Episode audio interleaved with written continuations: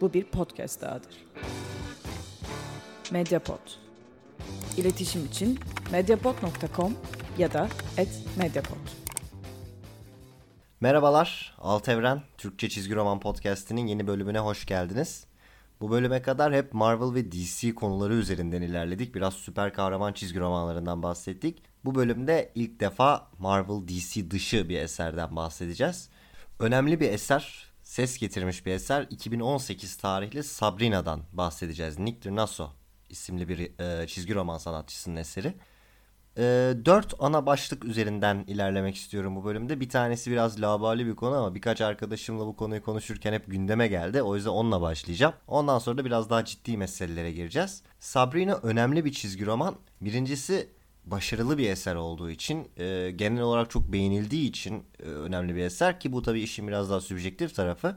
Ama objektif olarak da henüz çok yeni çıkmış olmasına rağmen 2018 tarihli bir eser olmasına rağmen ve çok genç bir yazar tarafından 1989 doğumlu bir çizgi romancı tarafından e, hazırlanmış olmasına rağmen şimdiden çizgi roman tarihine geçmiş bir eser. O yüzden e, aslında aşina olunması gereken bir çizgi roman olduğunu düşünüyorum. Şöyle başlayacağız. Birincisi şu Sabrina başlığı ile ilgili kafa karıştıran bir konu var. Onu önce aradan çıkaracağım. Bu daha rahat konu. Ondan sonra Sabrina'yı çizgi roman tarihine geçiren konudan uzunca bahsedeceğiz. Son olarak da çizgi romanın konusuna ve kısa bir değerlendirmesine bakacağız. Sabrina başlığını duyunca insanların aklına daha önceki yıllarda televizyonda falan da çok yayınlanan bir tatlı cadı şeyi geliyor tabii. E, alakası yok sadece bir isim benzerliği. E, herkes bana bunu sordu konuşurken ya Sabrina bizim bildiğimiz Sabrina mı falan diye ben bu kadar tanındığını bile bilmiyordum. Ama hayır e, o değil e, sadece bir isim benzerliği var ortada. Bunu söylemişken şu ilginç bilgiyi de paylaşayım. Aslında o tatlı cadı Sabrina da çizgi roman çıkışlı bir karakter. Biz sanki çizgi roman uyarlamalarını biraz daha yeni bir olaymış gibi düşünüyoruz ama pek çok karakter çizgi romanlardan farklı mecralara aktarılıyor. O da e, biliyorsunuz çok meşhur Archie Comics vardır. Archie Comics'in yan karakterlerinden, Archie'nin yan karakterlerinden bir tanesi olarak başlıyor. Bu da enteresan bir bilgi. Sadece bir kafa karışıklığı olmasın diye aradan çıkartmak istedim. Şimdi yavaş yavaş ana konumuza girebiliriz. İlk e, ciddi konu başlığımıza değinmeden önce kısaca konusundan bahsedeyim. Bu podcast'te çok fazla spoiler vermeyeceğim. Zaten e, bu spoiler meselesi bazen abartılabilen bir olay. Süper kahraman çizgi romanlarında olay odaklı eserlerde yani asıl okuma amacınızın ne olduğunu görmek olduğu eserlerde spoiler tabii önemli ama her eser için bu söz konusu değil. Yani bazı eserlerde konunun nasıl ilerlediğini bilseniz de asıl önemli olan onun nasıl işlendiğini görmek olabiliyor. Sabrina'da da böyle bir durum var. Fakat ben yine de elimden geldiğince konuya, konunun ilerleyişine, olay örgüsüne çok girmemeye çalışacağım. Özetle işin merkezinde şu konu yer alıyor. Sabrina isimli genç bir kadın kaçırılıyor ve uzun süre kendisinden haber alınamıyor. Daha sonra da çeşitli haberler gelmeye başlıyor akıbetiyle ilgili. Ve bu süreç içinde Sabrina'nın tanıdığı insanlar, konuyla biraz daha uzaktan alakadar olmak zorunda kalan kişiler neler yaşıyor? Sabrina'nın temel konusu bu. Günlük bir konu. Belki aşırılara çekilmiş olsa da günlük hayatta görebileceğimiz bir konu ele alınıyor. Zaten etkileyici yapan unsur da bu. Ama bu konunun detaylarına girmeden önce istiyorum ki şu çizgi roman tarihine geçmek, şimdiden tarihte bir yer edinmek konusu üzerinde bir duralım. Ee, Sabrina'ya bu konumu getiren olay çok prestijli bir edebiyat ödülüne, Man Booker Prize ödülüne aday gösterilmesi. Edebiyat ödülleri biliyorsunuz ikiye üçe ayırabiliriz. Bir yazarlara, yazarların kariyerlerine verilen, bir de doğrudan eserlere verilen ödüller var. Şimdi edebiyat dünyasının en prestijli ödülü nedir? dersek herhalde Nobel demek zorunda kalırız. E, Nobel Edebiyat Ödülü biliyorsunuz bir yazara genel olarak veriliyor. Yani atıyorum Gabriel Garcia Marquez bu ödülü kazandığında herhangi bir romanı için kazanmıyor. Bunun yerine doğrudan yazmış olduğu her şeyin bütününe edebiyat alanına, edebiyat sanatına sağladığı katkıya göre ödül veriliyor. Man Booker Prize ikinci kategoriden bir ödül. Yani doğrudan esere verilen bir ödül ve sanıyorum bu alanda yani bir eseri ödüllendirme anlamında dünya üzerindeki en prestijli ödüllerden bir tanesi. Ee, yani birinci, ikinci veya üçüncü bu alanda muhtemelen. Dolayısıyla bir yazar için, bir eser için Man Booker ödülü kazanmak, hatta bu ödüle aday olmak çok büyük bir olay. Ee, ve tabii edebiyat alanında pek çok okuyucunun eser seçimlerinde rol oynayan bir şey. Tabi burada biraz şunun üzerinde durmak gerekiyor. Bu ödüller, edebiyat ödülleri ne kadar ciddi alınması gerekiyor, ne kadar doğru bir şekilde veriliyor veya bütün bir yıl içinde yazılmış eserler içinde bir tanesini seçmek ne kadar doğru? Bu konularda tabii bütün ödülleri olduğu gibi Man Booker Prize'a da getirilen çok fazla eleştiri var. Burada yani bu konuya çok sağlıklı bir şekilde değinmem mümkün değil. E, prestijinin gerekçelerini ve yapısını sorgulayabiliriz. Tabii ki sorgulayabilirsiniz sizler de ama sonuç olarak şu anda böyle bir prestij var. Ve Sabrina'ya çizgi roman tarihindeki bu enteresan konumu kazandıran şey de Man Booker Prize'a aday olan, bu ödüle aday gösterilen ilk çizgi roman olması. Şimdi adaylık sürecinden biraz bahsedeyim bu Man Booker Prize'ın. Ee, iki tane liste belirleyerek başlıyorlar. Bir long list bir de short list. Bir uzun liste bir de kısa liste var. Önce ödüle aday olarak gösterdikleri tüm kitapların bir listesini yayınlıyorlar. Daha sonra da bu listeden bir short list e, seçiyorlar. 6 kitaplık, 6 eserlik bir short list ortaya çıkarıyorlar. Bu 6 eser içinden bir tanesi ödülü kazanıyor. Eleştirilerden bahsettim biraz bağlayayım iki konuyu birbirine. E, mesela şöyle bir yorum yapılıyor. Eğer 6 eserin içine girdiyseniz artık ondan sonra kimin kazanacağı piyango gibi bir şey. Yani hepsine verilebilir. E, bütün bir yıl boyunca yazılmış e, ve ödülü seçen, ödülü veren kişilerin listesine göre, onların görüşüne göre en iyilerden sadece 6 tanesi. Dolayısıyla ondan sonrası biraz şansa kalıyor. E, Sabrina'nın bu ödüle aday gösterilme süreci şöyle. Long liste dahil ediliyor ama shortliste kalamıyor 2018 senesi için. Dolayısıyla ödül de kazanamıyor. Fakat bu bir nevi Oscar gibi bir şey. Yani derler ya e, aday gösterilmek bile çok büyük gurur vesaire gibi. Ya gerçekten öyle. Yani aday gösterilmek bile size e, büyük bir prestij sağlıyor edebiyat dünyasında ve pek çok okur da gerçekten e, biraz da kendimden biliyorum. Kendimden örnek vererek konuşuyorum. E, yani aday gösterildiği zaman mesela bir kitap ben merak ediyorum, alıp okumaya çalışıyorum vesaire böyle bir etkisi de var. Tabii daha önemli bir nokta şu bir eserin aday gösterilmesinden ziyade bir çizgi romanın ilk kez aday gösterilmesi bizim için daha büyük önem taşıyor. Bu şu anlama geliyor. Bundan sonra e, yazılıp çizilen bütün çizgi romanlar bir noktada Man Booker Prize'a aday olabilecek. Yani artık bu ödülün kapsamı çizgi romanları da içinde barındıracak. Bu tabii e, çizgi romanın meşru bir sanat dalı olarak, gerçek bir sanat dalı olarak görülmesinde önemli bir adım. Tabi böyle ödülleri genel olarak sorgulayabileceğimiz gibi çizgi roman açısından da böyle bir şeyin ne kadar doğru olduğunu e, sorgulama şansımız var. Yani acaba bir çizgi romanın edebiyat alanında prestijli bir ödüle dahil edilmesi veya bütün çizgi romanların bu alan içinde diğer edebiyat eserleriyle bir arada düşünülmesi doğru bir şey mi? Veya çizgi romanın prestij kazanma anlamında böyle bir şeye ihtiyaç duyması veya ihtiyaç duyuyormuş gibi gösterilmesi doğru bir şey mi ayrı konular. Ama dediğim gibi edebiyat dünyası içinden böyle e, bir ödüle layık gösterilmek pek çok okurun da ister istemez bakış açısını değiştiriyor. Yani belki gerçekten çizgi romanla ilgilenenler, çizgi romanla ilgili bir şey yapanlar için çok büyük bir olay değil veya onlar çok ciddi almıyor hatta tepki gösteriyor. Fakat genel okuyucu kitlesini düşündüğünüzde edebiyat okurlarını düşündüğünüzde bir Eisner ödülü falan çok anlam ifade etmiyor. Yani böyle şeylerde çizgi romanları görmek onların bu konudaki ön yargılarını kırmakta etkili olabiliyor. Dolayısıyla yani kendi görüşleriniz tabii kendinize yani e, ödülü saçma bulabilirsiniz veya bir çizgi romanın buna aday olmasını önemsiz bir şey olarak görebilirsiniz. Ama e, gerçek hayatın koşullarını düşündüğünüzde önemli bir dönüm noktası olduğu ortada. Daha fazla bu konuya süre ayırmayalım. Biraz da çizgi romanın kendisinden bahsedelim. Asıl önemli konu bu. Sabrina'nın konusunu biraz daha detaylandırarak başlayayım. Şöyle anlatayım. Şimdi biliyorsunuz Amerikan edebiyatında bir kültürel mesele olarak Amerikan rüyası, American Dream önemli bir yer tutar. Hatta bu çoğu eserde eleştirilen bir şeydir. Bunu alırlar ve aslında ne kadar gerçek dışı olduğunu veya ne kadar belli bir zümreye hitap eden bir şey olduğunu yazarlar çeşitli şekillerde incelemeye, eleştirmeye çalışırlar. Sabrina benim bu alanda okuduğum en sert eleştiri. Burada artık Amerikan rüyası falan gibi bir kavram kullanıp bunun bir Amerikan rüyası eleştirisi olduğunu söylemek mümkün değil. Burada düpedüz bir Amerikan kabusu var. Sabrina'nın bence en iyi tanımı bu. Günümüz Amerika'sının 2010'lu yılların sonunda Amerika Birleşik Devletleri'nin günlük hayatı sadece konu alarak çok çarpıcı ve e, sert bir eleştirisi e, Sabrina. Biraz hikayenin ilerleyişine dönelim. Sabrina kaçırılıyor. Ondan sonra erkek arkadaşı yani e, Sabrina'nın kaçırıldığı dönemde birlikte olduğu adam artık o eyalette bile bulunmaya dayanamayarak eski bir arkadaşının evine gidiyor kalmaya. Farklı bir yere gidiyor. Bu bahsettiğimiz arkadaş Calvin eserin ana karakteri. Amerikan ordusunda günlük sıradan bir iş yapıyor. Aynı zamanda bir boşanma süreci yaşıyor. Eşiyle ve kızıyla ayrı şehirlerde yaşıyor. İşte onlarla tekrar bir araya gelme planları yapıyor. Bunun için çalışmalar yapıyor. Ve bir anda kendisini tamamen katatonik hayatta artık ne yapması gerektiğini bilmeyen, ağzını açıp konuşmayan, yemek yemekte bile zorlanan bir adamla aynı evde yaşarken buluyor.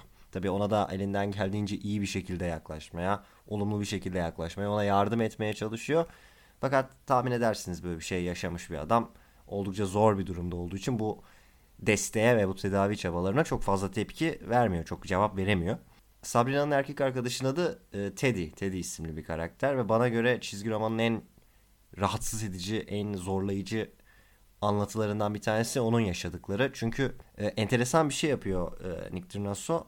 Gerçekten çok iyi bir İngilizce bir kavram. Pacing deniyor buna. Yani eserin hızını ayarlama olayı inanılmaz bir şekilde yapmış Teddy üzerinden. Yani neredeyse hiçbir şey yapmadan, hiçbir şey söyletmeden, hiç hareket ettirmeden aynı pozisyonda defalarca çizerek onun yaşadığı buhranın en azından nasıl bir şey olduğunu anlamanızı sağlıyor ve bu bence çizgi romanın en büyük başarılarından bir tanesi. Tabi daha sonra bağlanacak, inanacak bir şey ararken Teddy'nin bir dönem kafayı taktığı bir podcast oluyor. Böyle Amerika ile ilgili komplo teorilerinden vesairelerden bahseden bir podcast. Bu da hikayenin eleştirilerine ana konusuna bağlanıyor.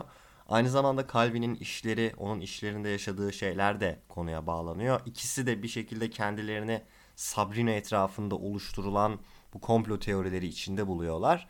Ki bu komplo teorileri şöyle, Sabrina kaçırıldıktan sonra bu hikaye aslında bir süre içinde unutuluyor. Fakat e, hikayenin ilerleyen noktalarında şimdi spoiler vermemeye çalışıyorum. E, başına ne geldiği anlaşılıyor Sabrina'nın. Kimin kaçırdığı anlaşılıyor. Ve bundan sonra bu konuyla ilgili aklına esen internete girip bir şeyler yazmaya başlıyor ki bu e, diyorum ya 2010'lu yıllarla ilgili aslında çok çarpıcı bir eser.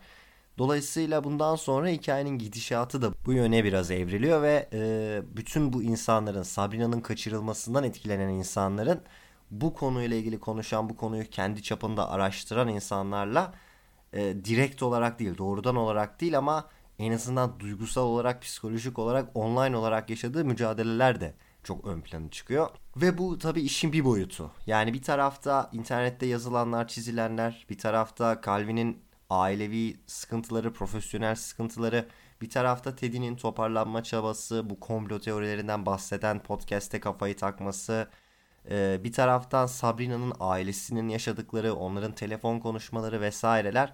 Yani gerçek anlamda çok boyutlu ve içinde çok fazla şey bulabileceğiniz muhtemelen birkaç kez okumanız gereken e, güçlü bir çizgi roman. E, ve tabi dediğim gibi 2018 yılının da en iyi eserlerinden bir tanesi olarak gösteriliyor ne kadar önemli olursa olsun sadece bir edebiyat ödülüne aday gösterilmekten de ibaret değil mesele tabi. Biraz bu çizgi romanı okumakla ilgili tavsiyeler paylaşayım sizinle. Ee, öncelikle şunu söyleyebilirim. Eğer aksiyon, e, hareket, eğlence bu tarz bir şey arıyorsanız muhtemelen tercih etmeniz gereken eser bu anda Sabrina değil. Çünkü bunların hiçbirisi yok. Dediğim gibi bazı açılardan günlük konuların aşırıya çekilmiş halleri ama çok gerçekçi günlük hayatın içinden çıkan bir eserden bahsediyoruz. Daha çok karakterlerin iç dünyasına, yaşanan durumlara, bu durumların değerlendirilmesine ve eleştirilmesine yönelik biraz daha ağır ilerleyen bir çizgi roman. Dolayısıyla aksiyon tarzı bir şey arıyorsanız çok ideal bir eser değil. İkinci bir ufak tavsiye benim son yıllarda okuduğum en karamsar çizgi romanlardan bir tanesi. Yani sonuna ulaştığınızda koşullar içinde olabilecek belki en mutlu sona ulaşıyor. Fakat e, eğer okursanız çizgi romanı dediğimi daha iyi anlayacaksınız. Bu mutlu son bile o kadar teselli boyutunda ki e, buna mutlu son demeye bin şahit ister. Hatta belki okumuş olanlar varsa çizgi romanı bunu mutlu son olarak yorumlamamı bile e, komik buluyor olabilirler.